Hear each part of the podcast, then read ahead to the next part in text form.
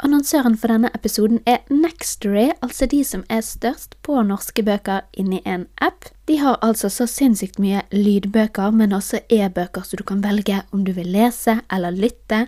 Og den boken som vi holder på med nå i bokklubben, den finner du faktisk der. På nextory.no slash Amalie så har jeg også lagt inn noen flere anbefalinger, blant annet Becoming Supernatural av Dr. Joe Dispenza, som er den boken som endret livet mitt. Altså, det er den beste boken om personlig utvikling. Hvis du ikke har lest den, bare gå og legg deg, gå inn, hør den, les den, den er fantastisk. Til vanlig så kan du få 14 dager gratis prøveperiode, men nå kan du få 45 dager gratis prøveperiode hvis du er en ny kunde. Og Da går du inn på nextory.no slash Amalie for å benytte deg av det tilbudet.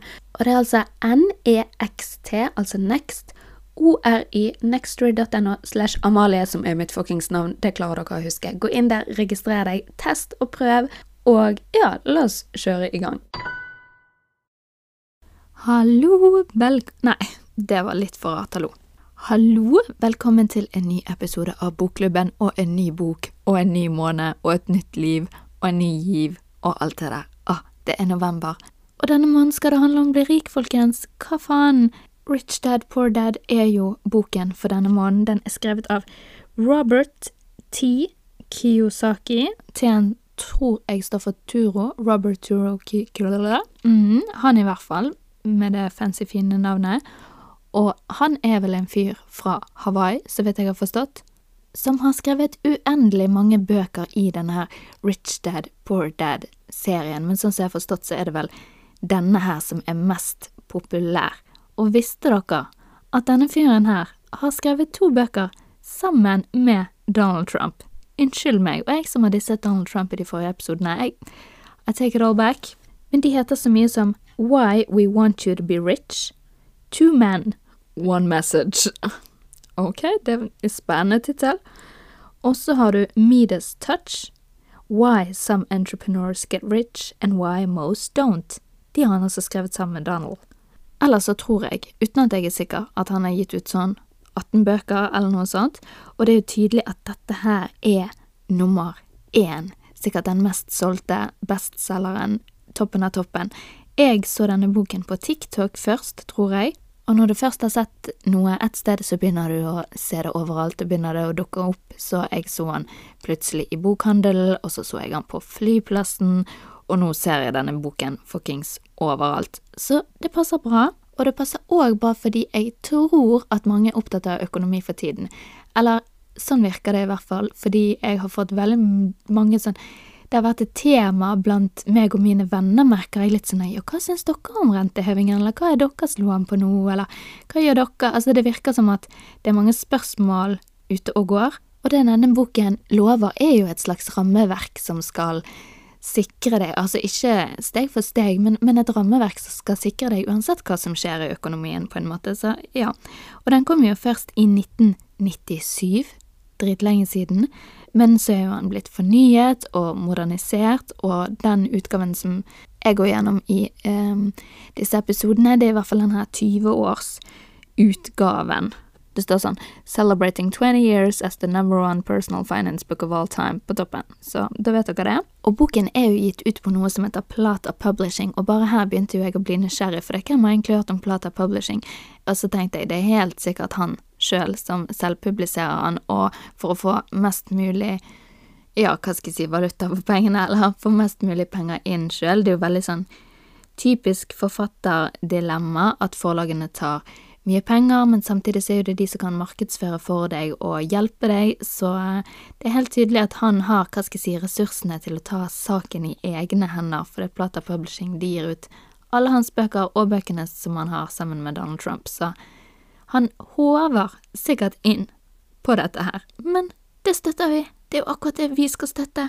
Og når denne boken ble gitt ut, så var han jo 50 år, og han forteller jo litt om det i introduksjonen for det har jeg kanskje glemt å si det, dette er jo en introduksjonsepisode, nå skal vi bare bli litt kjent med boken, og lese litt i introduksjonen, og så begynner vi på kapittel én neste gang. I hvert fall så var det ingen som ville gi ut boken fordi den var kanskje litt sånn forut sin tid, litt fremtidsrettet, men i dag så ser vi jo at veldig mye som han sa og skrev den gangen, det faktisk stemmer.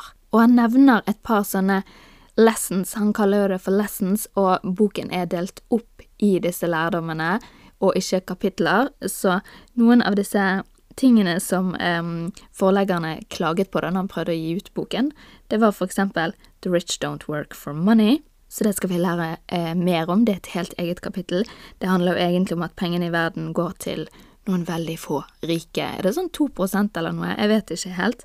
Men pengene, når eh, inntektene går opp, så går det nødvendigvis ikke til folkene på gulvet, altså arbeidsmaurene, de som jobber hver eneste dag for eller annet, en eller annen stor bedrift, aka oss alle, kanskje.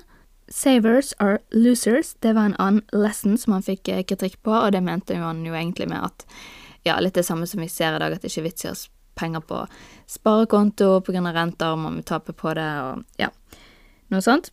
Og så Your house is not an asset, har han visst sagt. Why the rich pay less in taxes. Uh, det var en lesson som kanskje ikke ble så godt mottatt, så han gir noen grunner til hvorfor boken, hva skal jeg si, var litt vanskelig å få ut. Og det vil jeg bare advare dere bitte lite grann om. Det snakkes jo mye om Texas, altså om skatt, i denne boken, og det velferdssystemet som han prater om, er jo selvfølgelig ikke helt likt som det vi har i Norge, men vi skal prøve så godt vi kan å oversette det og forstå det inn i vår kontekst. Det er jo det som er målet med at vi gjør dette her sammen. Ok, over til introduksjonen. Having two dads offered me the choice of contrasting points of view, one of a rich man and one of a poor man.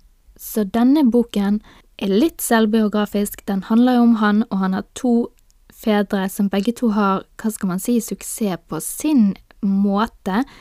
Og den ene faren, altså The Rich Dad, det er jo egentlig faren til en kompis som ender opp med å bli en av de rikeste mennene på Hawaii.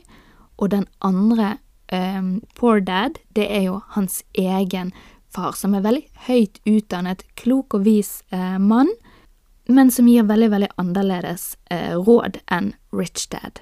Og det som er gøy i boken, er at vi skal få litt rådene til begge, og så ser man sjøl litt sånn hvordan de skiller seg fra hverandre. Og før vi tar fatt på denne boken, så er det én ting som er viktig å forstå, som er hans mission, som er hans eh, mål. Og det er jo egentlig å få denne her formen for økonomisk utdannelse, skal vi kalle det det, inn i skolen. Så hør på dette. One of the reasons the rich get richer, the poor get poorer, and the middle class struggles in debt, is that the subject of money is taught at home, not in school. Most of us learn about money from our parents. So, what can poor parents tell their child about money? Mm, word man. They simply say, stay in school and study hard. The child may graduate with excellent grades, but with a poor person's financial programming and mindset. Så vi alle er jo vokst opp med en eller annen familie, et eller annet hva skal jeg si, økonomisk standpunkt eller tanke, eller om at penger betyr dette, eller penger betyr dette, eller det betyr ingenting, for eksempel. Og sjøl, min egen erfaring er at i mitt hus så har jeg heller aldri hørt noe særlig om penger sånn egentlig. Jeg vokste jo opp først med min mor, og i min oppvekst så kunne jeg, jeg kunne jo se at hun slet som en eh, singel alenemor til to, men jeg kunne òg se et sånn ekstremt system på ting, så hun, hun, prøvde hele, hele, hele tiden å ja, holde en form for system, så hun hadde veldig mye mapper. Hun tok vare på alle regninger som var betalt, og sånn, hun kastet de ikke. Jeg husker at hun skrev på de, og så puttet hun de inn i mappene, og så tror jeg hun rev et lite hull i de hvis de var betalt og noe sånn, og det gjør jeg faktisk sjøl den dag i dag men hun hadde jo eh, veldig lite, og mye av det hun fikk, og mye av det hun klarte å få til, det fikk hun til på veldig sånne merkelige måter med å være den personen som hun var. Da. Så for eksempel det huset vi flyttet inn i, det hadde hun absolutt egentlig ikke råd til å kjøpe, og den summen hun kjøpte det for, den er helt sånn latterlig. Altså, den var så lav, og det var jo fordi at hun skaffet seg dette huset rett og slett ved å altså, gå og banke på dører, på en måte. Veldig sånn utradisjonell eh, type, kan man si. Og så vokste jo jeg senere opp med min far etter min mor eh, døde, og han sa to ting til meg om penger som har nesten sånn brent seg fast. fordi han var totalt eh, motsatt og mm, ja, hva skal jeg si, kom fra en familie der liksom hans far var direktør og alt var ok, men han hadde ingen. Min far og økonomi, det er et helt tema for seg sjøl. Men han sa til meg, Amalie, penger er til for å brukes. Så det var liksom det jeg fikk fra han, og så sa han én ting til også som har brent seg fast, og det er at hvis du legger ut penger for en venn, så legger du ut penger for en venn. Da skal ikke du tenke at du må ha de pengene tilbake, fordi vennen er viktigst. Det skal liksom ikke være noe sånn tanke om penger blant venner, at det betyr mer, på en måte. Du skal bare tenke at ok, nå legger jeg ut, disse forventer jeg aldri å se tilbake. Og det har òg virkelig festet seg hos meg, at jeg prøver å Hvis jeg legger ut for noen, så tenker jeg ok, disse pengene ser jeg aldri igjen. Jeg tar et aktivt valg om å bare sånn mentalt eh, forberede meg på det, da. Men siden han var sånn, så betydde det egentlig at de pengene som jeg fikk inn sjøl, de hadde jeg hva skal jeg si, full kontroll over, på en måte. Så jeg begynte å jobbe veldig, veldig tidlig. Jeg begynte å jobbe når jeg var 13 år for å tjene penger til type klær og alt mulig. Og når jeg fikk konfirmasjonspengene mine, så husker jeg at det var liksom det største beløpet jeg noensinne hadde fått. Og min far han var sånn ja da, det er jo dine penger, så det er bare å bruke de, på en måte. Så jeg brukte de på bare tull, altså. Jeg husker jeg kjøpte Buffalo-sko med 60-bukser sikkert, Louis-bukser, eller Lois kanskje heter det, jeg vet ikke. Og altså, de var vekke på null komma niks. Jeg hadde ingen former for oppsparte midler, jeg hadde ingen som hadde spart i fond for meg, det var kanskje ikke så vanlig på den tiden heller at folk sparte for deg sånn sett, men eh, jeg sto på en måte litt sånn på null, da, som helt sikkert de fleste eh, gjør på den alderen. Og så hadde jeg en mormor og en morfar som var ganske motsatt. De var ekstremt opptatt av penger, men snakket kanskje ikke om det på en god måte. Jeg mener mer sånn at det var litt vondt av og til. Husker, jeg husker spesielt en jul, for det hver eneste gang jeg skulle få noe, så måtte de alltid fortelle meg hvor mye det hadde kostet, eller min morfar, da. Og som ga meg Jeg vet ikke, jeg følte alltid at jeg fikk en slags skyldfølelse hvis jeg fikk noe, eller at det var en slags forventning om å få noe tilbake, på en måte for de pengene, og det er det verste jeg vet. Det vet dere fra at vi har gjort The Power, at når man gir, ikke faen om du skal forvente å få noe tilbake, da er det ikke det samme som å gi. Hvis du gir noe, gi noe, og forvent ingenting i retur. Det er den beste følelsen, det er da du gir på ekte. Og hos de så var det veldig, veldig motsatt, så jeg husker en jul, da var jeg jeg var kjempeliten, men jeg var liksom så lei av å hele tiden få vite hva ting kostet, og få det der presset på meg.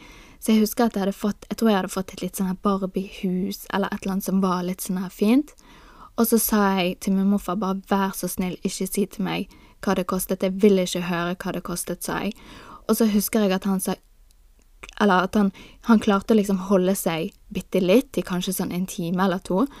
Og så husker jeg at han bare måtte si det, og så husker jeg at jeg holdt hendene for ørene, og så skreik jeg liksom så 'Ikke si det, ikke si det, jeg vil ikke høre det'.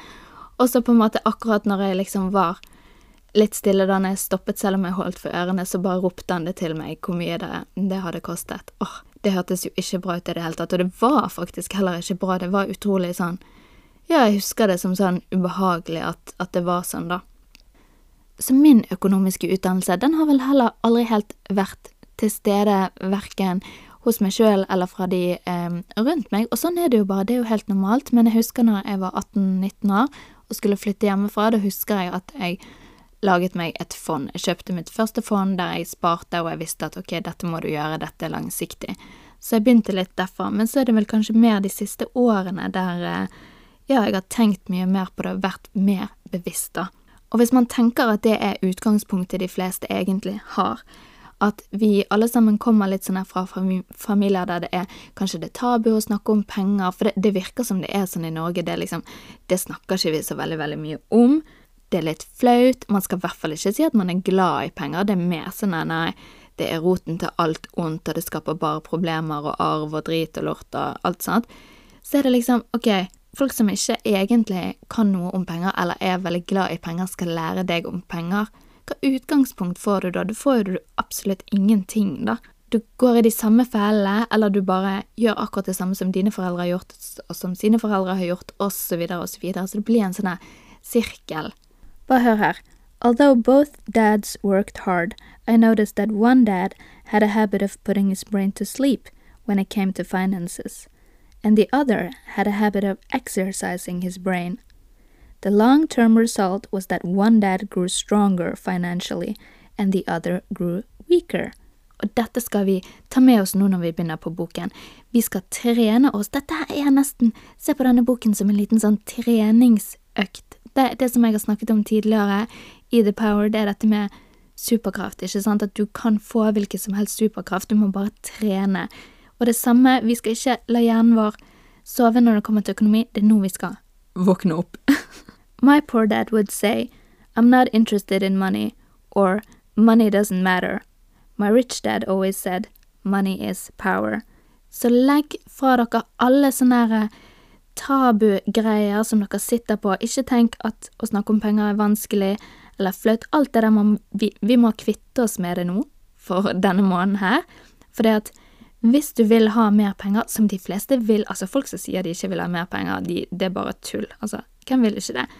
Hvis man vil ha mer, så må man jo òg være interessert i å få mer. Det må være et tema. Så vi skal ikke late oss som vi bryr Vi skal ikke late som vi ikke bryr oss. Der, ja, kjempebra, Malia, nå sa du det. Eh, kom igjen, vi bryr oss. Fra side 15 her. Although both men had tremendous respect for education and learning, they disagreed about what they thought was important to learn. One wanted me to study hard, earn a degree, and get a good job to earn money. He wanted me to study to become a professional, an attorney, or an accountant, and go to business school for my MBA. The other encouraged me to study to be rich, to understand how money works, and to learn how to have it work for me. I don't work for money were words he would repeat over and over. Money works for me. Ergo utdannelse kjempeviktig, men vi må lære oss det vi driver med hver eneste dag, som er kjøp og salg. Du går på butikken, du kjøper noe, du går på jobb, du på en måte selger kunnskapen din. Økonomi har veldig stor plass i hverdagen din. Hvordan kan du bli best mulig på det? Og jeg skal bare lese den siste setningen, eller det siste avsnittet, i introduksjonen, bare sånn at vi får en forståelse for hva vi skal gjøre de, den neste måneden. Because I was only nine years old when I started, og der mener han jo at det var da hans finansielle education begynte, så det var da han ble kjent med, med Rich Dad, på en måte. The lessons my rich dad taught me were simple, and when it was all said and done, there were only six main lessons repeated over 30 years. This book is about those six lessons, put as simply as possible, just as simply as my rich dad put forth those lessons to me. Så ok, vi skal gå gjennom seks main lessons. Fagkatten, hva skal jeg oversette det til til norsk? Seks lekser. Lærepenger. Nei, å, det er så dårlig. Det er ikke noe god Ikke noe god Hva sier Google, da? Undervisningstimer? What the fuck? Ja, drit. Vi kaller det for oppgaver. Nå har jeg glemt hva jeg sa, men poenget var sikkert at det er seks oppgaver vi skal lære oss her, da.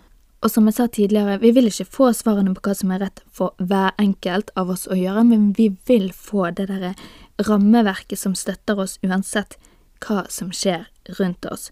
Og det beste, syns jeg, med denne boken her, er at du trenger ikke ha penger for å starte. Altså, det er ikke sånn at det føles som at her sitter det en kjempe, kjemperik fyr og bare sier sånn Begynn å investere i dette og dette og dette. Eh, for det går jo ikke hvis man, hva skal jeg si, starter på null. Så ikke vær redd for det. Men ok, nå snakkes vi i fuckings kapittel én. Det kommer, tror jeg, på torsdag, kanskje. Så hvis du ikke har skaffet deg boken ennå, eller har lest, så har du litt tid til å gjøre det. Du kan høre den på lydbok, gjøre hva som helst. Du bestemmer, du tar det i ditt tempo, det har jeg sagt mange ganger før. Og da er det første vi tar fatt på, lesson 1, jeg kan faen si oppgave 1, det høres for dumt ut, og den heter The Rich Don't Work for Money. Uh, spennende. Ok, vi snakkes. Ciao.